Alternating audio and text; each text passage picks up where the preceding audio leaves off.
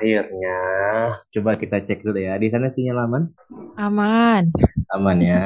Kalau baterai? Baterai aman banget. Hmm, oke. Kalau hubungan? Hubungannya aman.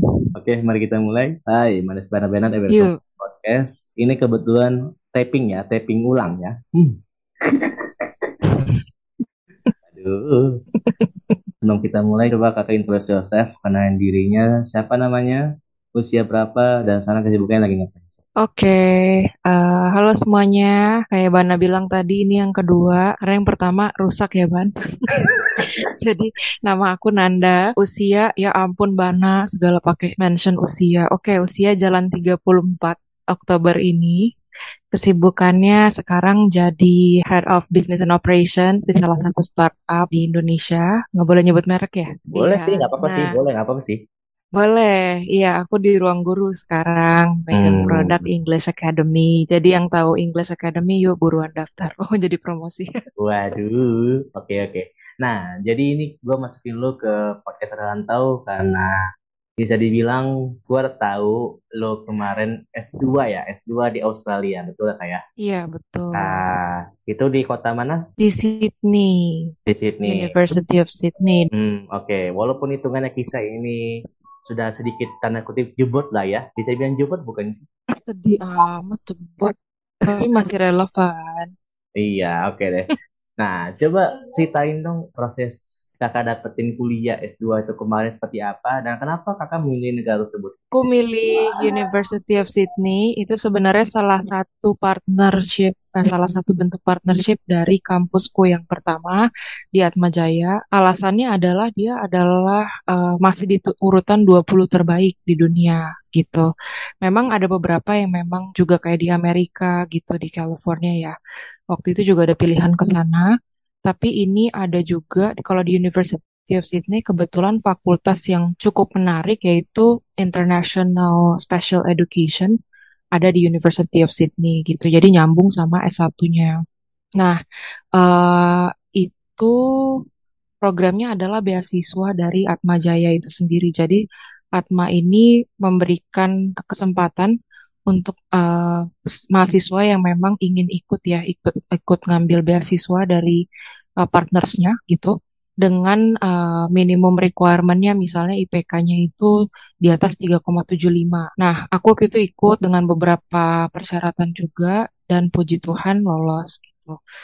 Eh, itu aja sih dulu paling. Tadi kan kakak sempat bilang kan banyak penyebab beasiswa. Kakak bukan Mm-mm. dapat beasiswa yang lagi viral itu kan? Oh bukan, itu kayaknya kalaupun ada aku nggak masuk. Waduh, udah hopeless banget ya perasaannya. Iya, Oke, tahu sendiri kan. iya tahu sendiri ya. Oke, eh, untuk yang program yang kakak pilih itu emang negaranya cuma di Australia doang? Atau mungkin bisa tempat atau bisa milih negara gitu kan? Sebenarnya ada di beberapa, tapi aku nggak mau yang jauh gitu ya, karena sebenarnya aku tadinya nggak niat ngambil ini, ngambil beasiswa ini sebenarnya. Nggak nggak niat untuk sekolah di luar negeri. Sebenarnya harapanku master's degree di Indonesia juga udah bagus kok gitu ya. Nah, kalau yang fakultas yang aku pengen ini sebenarnya ada juga di universitas lain di Amerika itu yang tadi aku mention di California. Tapi aku nggak ambil itu karena eh, pengen masih kerja di sini ya. Jadi ini program si eh, beasiswa ini adalah eh, satu sampai dua semester pertama boleh diambil secara offline. Em, berikutnya semester 3 ataupun 4 nantinya tergantung ya. Nanti diambil secara online bisa jadi e-learning program gitu.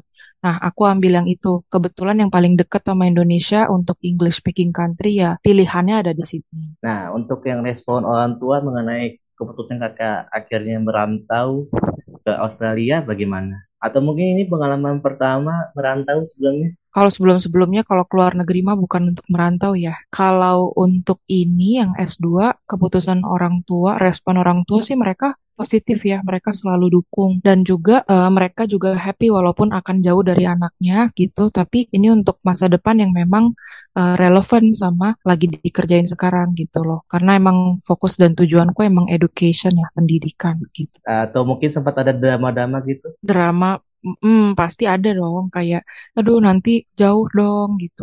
Terus nanti gimana? Oh tenang aja, cuma setahun kok di sana. Nanti bisa pilih lagi di sini. Sebenarnya boleh melanjutkan sampai lulus offline gitu ya, sampai lulus atau enggak. Nah tapi aku emang berniat pulang gitu ke Indonesia dengan sambil kerja gitu aja sih.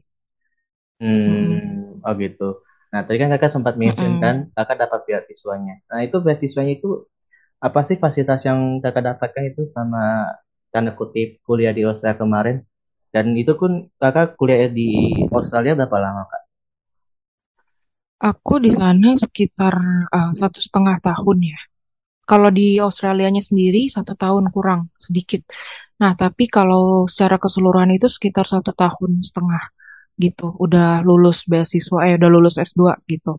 Nah, eh, dari sana dapat fasilitas apa aja? Eh, dapat uang jajan udah pasti, terus beasiswa 100% gitu ya. Eh, kebetulan aku dapat memang ada tieringnya, jadi antara dapat 75%, 50 sama 100%. Nah, aku emang aim for 100% gitu karena memang belum pada saat itu kan aku eh, emang gak ada budget ke sana ya, karena aku punya prinsip kalau S2 harus dari biaya sendiri gitu, jangan bebanin orang tua lagi karena memang tidak wajib. Tapi ya terserah kalau memang teman-teman juga ada yang masih dibantu sama orang tua, tapi sebaiknya aku sendiri gitu ya. Itu prinsip sih. Jadi ya eh, itu 100% beasiswa plus ada uang jajan per semester gitu. Eh, di mana itu boleh dipakai untuk eh, terserah mau buat apa aja pokoknya dikasih sama dorm di situ.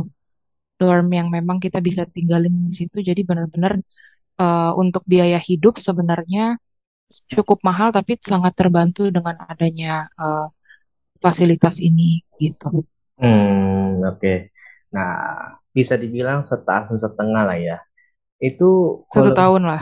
oh satu tahunnya. Kalau satu tahun di sananya, di sininya tetap lanjut jadi total satu setengah. Oh gitu.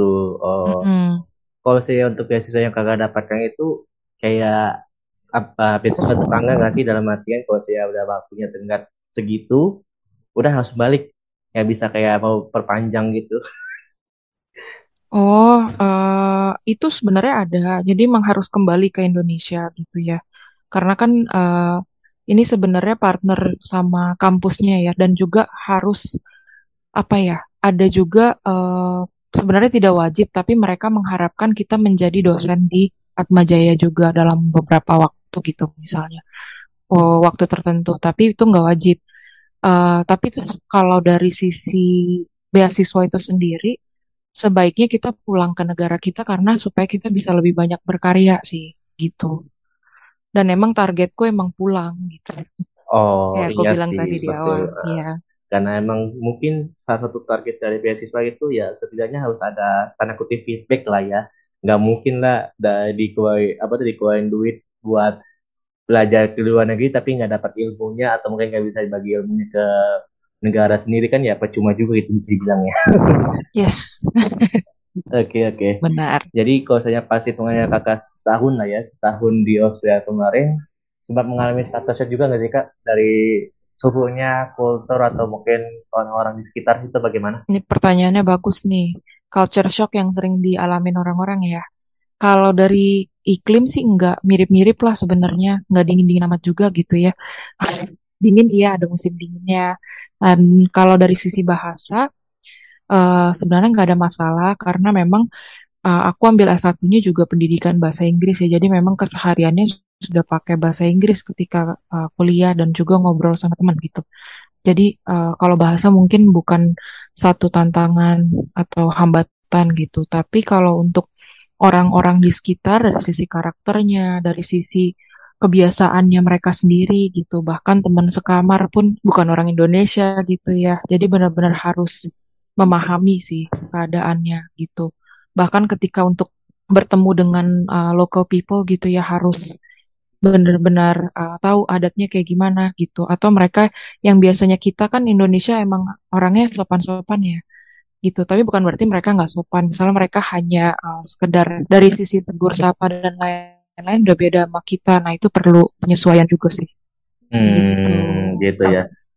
Nah, kalau saya tadi kan lebih kayak orang-orangnya ya. Kalau saya untuk tentang suhunya atau mungkin kultur di sana gimana Kak? Hmm, enggak sih, eh, dari suhu sebenarnya enggak enggak terlalu ini. Aku yakin walaupun kalian enggak apa namanya eh, enggak kuat dingin atau apa di di Sydney itu sebenarnya masih bisa ditolerir lah dari sisi eh, suhu dan udaranya juga enak gitu dan bersih di sana gitu. Hmm. Dan so- kalau dari sisi culture ya beda ya budaya Barat sama Indonesia, eh, mau sama ketimuran juga pasti beda.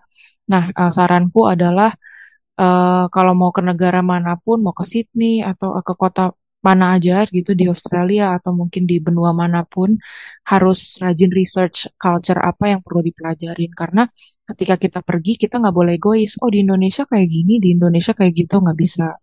Kayak gitu sih. Tapi itu balik lagi ya ke kita masing-masing, kita maunya kayak gimana gitu. Hmm. Tapi kalau saya tentang suhu paling dingin dan paling panas yang kakak rasakan itu sekitar berapa? Paling panas itu pernah di 28. 28 udah panas. 28 saya pernah kayak kayak di Jakarta juga nggak sih? Gitu. Dan pernah di 8 derajat Celcius. Itu paling dingin Oh, dua puluh gitu. delapan berarti suhu Heeh. suhu Lembang berarti ya. Su- Suhu apa? Suhu suhu Lembang. Lembang. Hmm, Ya, Lembang, Puncak, segitu. ya rata-rata dingin yang lainnya pokoknya gitulah. Oke. 28 ya. Hmm. Nah, biasanya kalau anak rantau tidak lepas dari katanya tanggal tua. Baik yang Mm-mm. merantau tuh dapat cuan, merantau tuh sekolah, merantau untuk magang, pasti ada tanda kutip tanggal tua. Nah, kalau saya kakak sendiri pernah mengalaminya nggak sih? Walaupun bisa dibilang tadi kan kakak sempat nggak mention kan eh, fasilitas yang kakak dapatkan beasiswa itu uang jajan. Nah, nggak tahu nih uang jajannya apakah mungkin eh, cukup untuk satu semester apa gimana gitu. Nah, kalau saya merasakan fa- di fase apa paling parahnya gitu loh. Hmm. Kayak tadi aku bilang kan eh, uang jajannya dikasih per semester ya. Jadi benar-benar harus pinter manage nih. Per bulannya mau diplotin berapa. Tapi ya benar ada tanggal tua tiap bulannya, pasti dong. Karena hidup kita bukan cuman Senin sampai Jumat gitu kan. Ada juga Sabtu Minggu, di mana misalnya kita harus eh, ya refreshing lah ya gitu. Walaupun nggak hedon banget di sana, nggak, tapi perlu ada kayak gituan gitu. Nah, Mungkin di eh, pertama-tama di minggu pertama kedua masih aman. Nah yang ketiga keempat nih parah nggak bisa gitu misalnya ya nggak bisa pergi ke mana-mana ya paling kita di rumah aja gitu paling nonton eh, TV dan lain-lain ngobrol sama teman-teman gitu ya udah eh, dan itu selalu sih pasti ada fasenya gitu apalagi kalau udah mulai tuh masuk ke sebulan sebelum si uang ini dikasih uang jajannya turun gitu ya kayak gitu sih dan em, terparah sih nggak parah-parah amat ya. Paling yang nggak bisa jalan-jalan. Misalnya teman-teman udah mau ke eh, main ski lagi atau mau mau apa jalan-jalan ke mana kita nggak ikut gitu ya. Paling itu sih sedihnya gitu. Tapi kalau dari sisi sampai makan kurang dan lain-lain sih enggak ya gitu. Oh gitu ya. Oh berarti setidaknya menurut versi kakak versi terburuk itu nggak bisa jalan-jalan ya. Oke. Kan nggak bisa jalan-jalan juga, ya. Tapi kan di sana kita juga cari tambahan. Cari tambahannya bisa apa aja. Jadi kebetulan skill aku di ngajar misalnya. Nah, di sana aku ketolong sama pekerjaan sampingan ya, ngajarin bahasa Indonesia sama anak-anak tetangga gitu. Yang memang menurut mereka for fun gitu. Jadi skill kita ada di teaching atau skill kita ada di ngapain. Misalnya ada aja orang yang mau eh, kerja di McD lah atau fast food lain eh, lainnya itu terserah itu pilihan. Tapi aku waktu itu emang sesuai dengan skill aku aja gitu. Jadi dengan adanya uang tambahan itu sangat terbantu dan menolong tanggal tua itu sendiri gitu. Dan bisa beli buku, beli apa aja deh. Sama kakak di sana udah pernah ke mana aja? Aku paling suka eh, main ski segala macam sama teman-teman gitu di satu perjuangan di dorm gitu. Kalau di sini, kalau di ke pantainya kita ke Bondi Beach itu eh, yang terkenal di Sydney. Tapi kalau dari sisi tadi yang aku bilang ski itu aku sering bukan sering sih lumayan lah beberapa kali ya ke Perisher Ski Resort di nggak di Sydney tapi di New South Wales. Berarti lebih mengarah ke destinasi pegunungan ya. Kalau saya menurut kakak di sana di Sydney atau mungkin di Australia itu kalau saya menurut kakak sendiri ya, itu lebih banyak destinasi untuk Mm-mm. pegunungannya kah, atau destinasi buatannya, atau mungkin destinasi alamnya gitu kak? Sebenarnya di Sydney ini lebih ke kota ya, kayak Jakarta aja gitu. Cuman kalau kita pengen ke Sydney Harbor itu kan udah ikonnya ya, yang kalau kita lihat aja uh, Sydney Harbor itu kayak apa gitu. Itu kan udah uh, apa ya, udah city uh, uh, city apa ya, panoramic segala macam gitu ya, udah ya memang udah ikonik gitu. Tapi kalau uh, mau di luar itu kan banyak nih orang anti mainstream ya, nggak mau yang ke Sydney Harbor dulu. Biasanya kita nyari pegunungan juga kayak kita nih, mau ke puncak, mau ke mana gitu. Dan emang uh, lumayan ada beberapa pilihan sih gitu. Dan juga kalau mau cruise juga ada pilihannya kalau ada budget Iya sih, pada gitu. akhirnya juga kalau saya mau jalan-jalan mikir dua kali juga ya. Apalagi kalau saya bukan merantau udah dapat cuan ya. Iya, benar. Oke, oke. Nah, eh, Pak Kakak pernah nggak sih ke suatu destinasi wisata, tapi untuk akses ke sana tuh pun susah banget loh buat dikunjungin. Nah, pernah eh, yang tadi aku bilang, aku pergi ke eh, Perisher eh, Ski Resort. Itu kalau naik bis dari Canberra yang deket ya, itu sekitar 8 jaman. Eh, ganti bis tiga kali gitu. Lalu di sampai sana ya naik gitu, naik ke eh, atasnya itu nggak bisa pakai eh, kendaraan umum gitu. Jadi ya benar-benar eh, bisa harus jalan kaki dan benar-benar harus punya eh, map sih di situ. Pada saat itu ya itu udah ada Google Map loh gitu. Waduh, Jadi emang harus benar-benar pakai ini, pakai apa map kalau enggak ya nyasar gitu. iya sih. Wah, kayak tanda-tanda yang tadi kakak sempat mention, bisa pas itu momennya udah ada Google Map. Berarti generasi-generasi sudah lumayan jemput udah bisa dibilang ya. Main jemput sedih banget sih dari tadi udah berapa kali. Ya tadi kan kakak nggak mention tanggal berapa pas kemarin kakak ngerantau di Sydney. Itu tahun 2012. Ya, Udah 10 lama. Ya 10 tahun lah. Lumayan lah itu. Berarti masih re ya masih relevan sih kalau mau ini. Iya, ya. Oke. Jadi untuk menutupi episode pada kali ini, coba kakak kasih kesan yang bisa dibilang sudah 10 tahun menjalani S2 di Australia. Ya, Entah 10 kenapa tahun gue, menjalani S2. iya maksud gue 10 tahun, kisah 10 tahun yang lalu gitu loh. Kalau Iya, 10, kalau saya S2 10 tahun keren juga ya. Hmm, oke deh. Iya, ya S- eh, sama S2 kemarin sama setahun ya bisa dibilang setahun merantau untuk kuliah di Sydney. Seperti apa kesannya? Dan coba kasih pesan kepada pejuang-pejuang anak rantau, baik yang sedang sekolah atau mungkin sedang menyelesaikan pendidikannya untuk dapat beasiswa atau mungkin dapat cuan, mungkin. Seperti tadi yang udah kalian dengerin ya, Sydney itu adalah tempat yang memang mungkin mirip-mirip lah sama Jakarta ya. Dan memang iconic place di Australia yang kita bisa uh, pergi itu ya Harbour Sydney itu. Aku sebenarnya memilih kota Sydney ini bukan karena kotanya sendiri, tapi memang karena universitasnya. University of Sydney, kalau kalian bisa uh, cek ya di apa namanya di Google gitu, dia masih di top 20 di dunia. Dan pada saat itu pun masih uh, begitu ya. Dan sekarang udah uh, udah oke banget lah untuk bisa jadi lulusan sana gitu. Dan uh, menurut aku apa pun apa pun itu gitu ya, kalau memang kalian pengen sebuah uh, kampus gitu ya memang misalnya oke aku mau ke Harvard. Nah, gimana caranya ke Harvard? Itu bukan sekedar mau tapi harus tahu how-nya gitu. Jadi dikasih tahu uh, di di search juga uh, apa sih yang memang requirement apa yang memang kita uh, dibutuhkan untuk ke Harvard gitu misalnya. Uh, sebenarnya harus tahu kampusnya dulu, lalu cari fakultasnya gitu.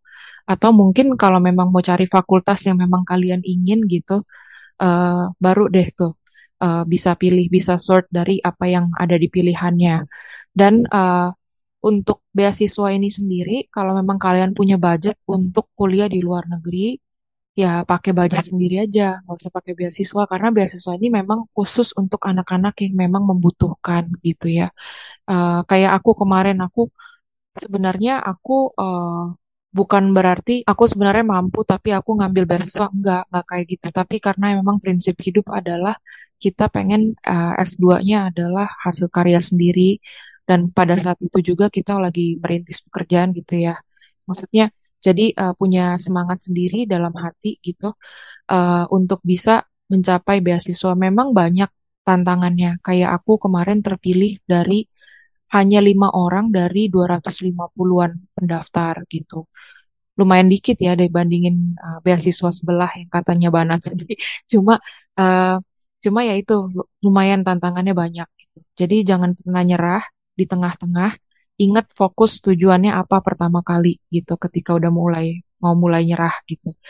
Dan make sure apa pun yang kalian udah pilih itu adalah tanggung jawab dari uh, kalian sendiri untuk di Sydney-nya sendiri jangan pernah takut untuk um, apa ya kenalan sama orang-orang sekitar. Jangan menganggap misalnya ih kok begini sih orangnya gitu ya. Beda sama orang Indonesia. Jangan dibanding-bandingin karena mereka juga akan melakukan hal yang sama sama kita gitu.